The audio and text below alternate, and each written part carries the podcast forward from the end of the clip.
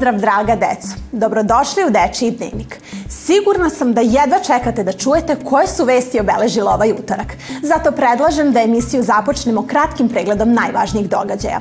Ja sam Zorana Nikoletić, a u ovoj emisiji govorit ćemo o Diabetesu, kako nastaje i kako se leči. Otkrivamo vam sve o sportu na slovo J. Podatke o vremenu saopštit će nam kolega Petar Nedeljković.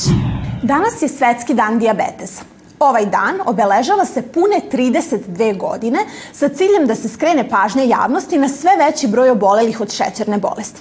Kako nastaje diabetes, ali i kako se leči, saznaćete u narednoj priči. Pozdrav drugari! Kao što znate, danas se obeležava Svetski dan diabetesa i zato smo odlučili da malo više saznamo o šećernoj bolesti i kako ona uopšte nastaje.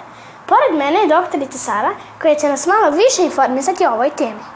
Hvala vam što govorite za našu emisiju. Hvala vama na pozivu da učestvujem u mojoj omiljenoj emisiji Dečijem TV Dnevniku. Doktorice, kako nastaje diabetes? Pre svega hvala na ovom pitanju, pokušat ćemo da pojednostavimo da lakše odgovorimo našim drugarima na ovo pitanje. Dakle, kada sve u organizmu funkcioniše kako treba, kada unesemo hranu, nakon složenog procesa varenja, šećer koji predstavlja glavni izvor energije dospeva u krvotok, a zatim i u sve naše ćelije. Ulazak u sve naše ćelije omogućava jedan hormon koji se naziva insulin. Insulin se luči od strane pankrasa, to je jedna žlezda koju nazivamo žlezda sa unutrašnjim lučenjem. Kod dijabetesa, nažalost, ne funkcioniše svako, sve kako treba. Postoji dijabetes tip 1 u kome postoji apsolutni nedostatak insulina, što znači da se insulin uopšte ne proizvodi i postoji dijabetes tip 2 u kome se insulin luči, ali on ne funkcioniše onako kako bi trebalo. Kažete da postoji više tipova dijabetesa, odnosno tip 1 i tip 2. Malo nam objasnite šta svaki od ova dva tipa podrazumevaju. Diabetes tip 1 jeste autoimunoboljenje, što podrazumeva e, da organizam više ne prepoznaje pankreas kao svoj organ, već produkuje takozvana autoantitela koje su usmerena protiv pankreasa i vrše njegovu destrukciju.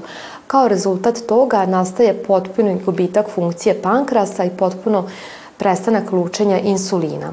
Diabetes tip 2 je potpunosti drugačije oboljenje, mehanizam njegovog nastanka je drugačiji i najčešće nastaje kao posljedica dugotrajne konzumacije, odnosno unosa hrane koja je preterano kalorična, e, dakle i slatkiša, i e, kao posljedica toga organizam pokušava da nadoknadi e, nedostatak insulina produkuje sve veće količine insulina kako bi omogućio da, da te prevelike koncentracije glukoze uđu u ćeliju. S obzirom na to da je u pitanju šećerna bolest, da li je dobije samo deca koja jedu mnogo slatkiša ili i ostala koja vode računa o ishrani? Naučnici nisu u potpunosti razjasnili kako nastaje diabetes tip 1. Ono što znamo jeste da se radi o jednom oboljenju za koga postoji genetska predispozicija. To znači da ako u jednoj porodici imamo osobu koja je obolela od diabetesa tipa 1, postoji veća šansa da će u toj porodici još neko oboleti od diabetesa tipa 1. Ovo oboljenje ne zavisi od preteranog unosa slatkiša, za razliku od diabetesa tipa 2, kod koga preterana konzumacija slatkiša kao i druge kalorične hrane hrane s vremenom dovodi do gojaznosti, a to sa sobom vodi i poremećaj funkcije insulina. Na osnovu kojih simptoma možemo da prepoznamo da imamo diabetes? Najčešći simptomi koji se javljaju kod diabetesa tipa 1 jeste pojačano žeđanje, što znači da organizam traži veći unos tečnosti. Takođe mogu se javiti i pojačan apetit, unosimo veće količine hrane, ali uprkos unosu većih količina hrane gubimo na telesnoj masi, takođe se mogu javiti i smalaksalost malaksalost, zamaranje. Ponekada diabetes tip 1 se otkrije u ranoj fazi kada smo apsolutno bez ikakvih simptoma. Kako se leči diabetes i da li je on izlečiv? Diabetes tip 1 se leči insulinom, zahvaljujući predanom radu naučnika, više ne predstavlja smrtonosnu bolest. Insulin može da se isporučuje u vidu takozvanih penova, koji veoma podsjećaju na flomastere koji ti imaš u svojoj pertunici, a danas postoji takozvane insulinske pumpe. To su pravi mali kompjuteri koji olakšavaju rad i lekarima i pacijentima da izračunavaju tačne doze insulina. Sa druge strane, diabetes tip 2 se leči u potpunosti drugačije, leči se adekvatnom ishranom, fizičkom aktivnošću kao i u lekovima, u nekim slučajevima potreban je insulin. Ono što bi bilo zanimljivo pomenuti za naše drugare sa diabetesom tipa 1 jeste da je ovo ne bolest nego stanje koje nam ne remeti kvalitete života ukoliko pratimo savete lekara, Zanimljivo je da je recimo teniser Stefanos Tsitsipas, treći teniser sveta, nedavno otkrio da ima diabetes tip 1, što znači da možete biti vrhunski sportista ili vrhunski stručnjak u bilo kojoj oblasti života i da vas diabetes tip 1 u tome apsolutno ne ometa. Hvala vam mnogo doktorice na ovim informacijama. Drugari, vodite računa na svoje ishrani i redovno odlazite na sistematske preglede kod vašeg pedijatra. Ako primetite neke od ovih simptoma koje smo pomenuli, obavezno se javite lekaru. Toliko od mene za ovaj put. Ćao! A sada je vreme za našu stalnu rubriku, na slovo na slovo sport. Ovoga puta kolega Miloš Tetin posetio je jedan konjički klub i saznao sve o jahanju. Detalje o ovom sportu donosimo vam u narednih nekoliko minuta.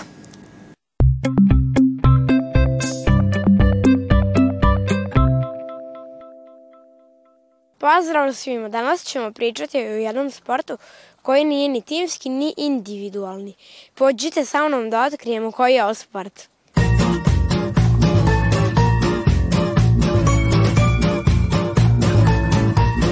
Ako ste imali neke pretpostavke u pitanju je e, jahanje, sport u kom e, e, ljudi jašu konje.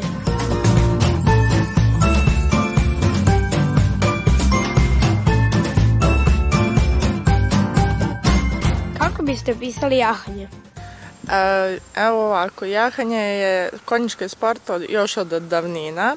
E, moramo da naglasimo da su prve konjičke igre bile 1911. u Engleskoj. E, poznato je da su se jahanjem pre svega bavili prinčevi i princeze, kraljevi i kraljice i onda se to polako proširilo na e, širu masu. Počele su prve škole jahanja, e, pre svega su jahali odrasli ljudi, a onda su se potom zainteresovali i deca.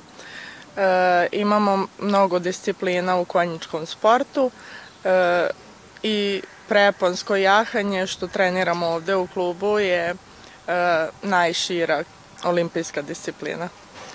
Da li nam ovaj sport pomaže da uspostavimo neku vezu sa konjima? E, da, ovaj sport nam e, omogućava vrlo blisku vezu sa životinjama. E, on je jedini sport koji se koristi u, ajde da kažemo, smirivanju našeg stanja, našeg duha. Kada jašimo konja, to nije samo sedenje na konju kao što većina ljudi misli. Mi tu imamo i brigu o konjima, čišćenje konja, jahanje, e, dajemo im neke poslastice, brinemo se o njima, tako da e, konj postaje član porodice. Kad je najbolje vreme da počnemo da treniramo ovaj sport? E, što se tiče sportskog dela, najbolje je krenuti od 9. godine kako biste imali celu godinu za pripremu za, za preponski sport, jer u Srbiji je od 10. godine kreću deca da se takmiče, tako da to je zakonski odobreno da ste tek od 10. godine spremni za jahanje. A što se tiče tog nekog predškolskog programa ili onoga kada deca mogu da krenu, to je od treće godine, jer tek u trećoj godini je dete e, dovoljno odraslo da može da se koncentriše i dovoljno fizički spremno da sedi na konju. Koje su vaše preporuke i savjeti kada počnemo da se bavimo ovim sportom? A, Moja preporuka kao trenera je da imate potpunu opremu, e, što znači pancir za jahanje, odnosno zaštitni prsluk, kako bi vas zaštitio od svih nepogoda koje konjički sport nosi. Kaciga je obavezna, kaciga glavu čuva, tako da ovaj, i sada ćete videti u ostalom snimanju kako svi moraju da nose kacige.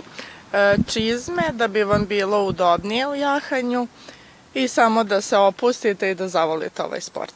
Prva škola jahanja je osnovana u Napolju u 16. veku, a od tada je ovaj sport postao popularan širom Evrope. I videli smo da su konji sjajne životinje i pune strpljenja. Drago mi je što smo danas o ovome popričali, a mi se vidimo sledeće nedelje sa nekim novim sportom. Ćao!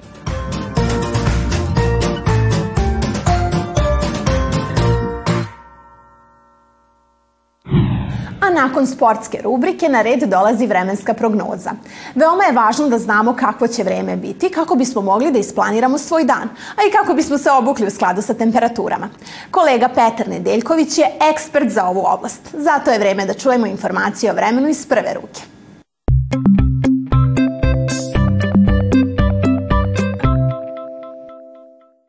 Pozdrav svima! Vreme je za vreme.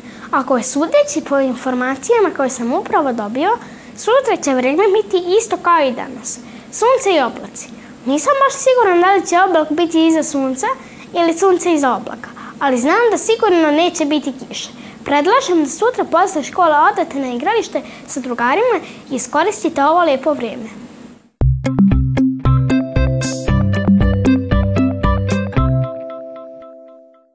To bi bilo to za ovaj utorak. Verujem da ste mnogo toga naučili i da ste se informisali, što je najvažnije. Nema razloga da ne bude tako i sutra kada je Dečiji dnevnik opet na programu. Vidimo se tada, ja vam se u ime cele ekipe koja je realizovala ovu emisiju zahvaljujem na pažnji. Želim vam prijatno večer uz naše programe. Doviđenja!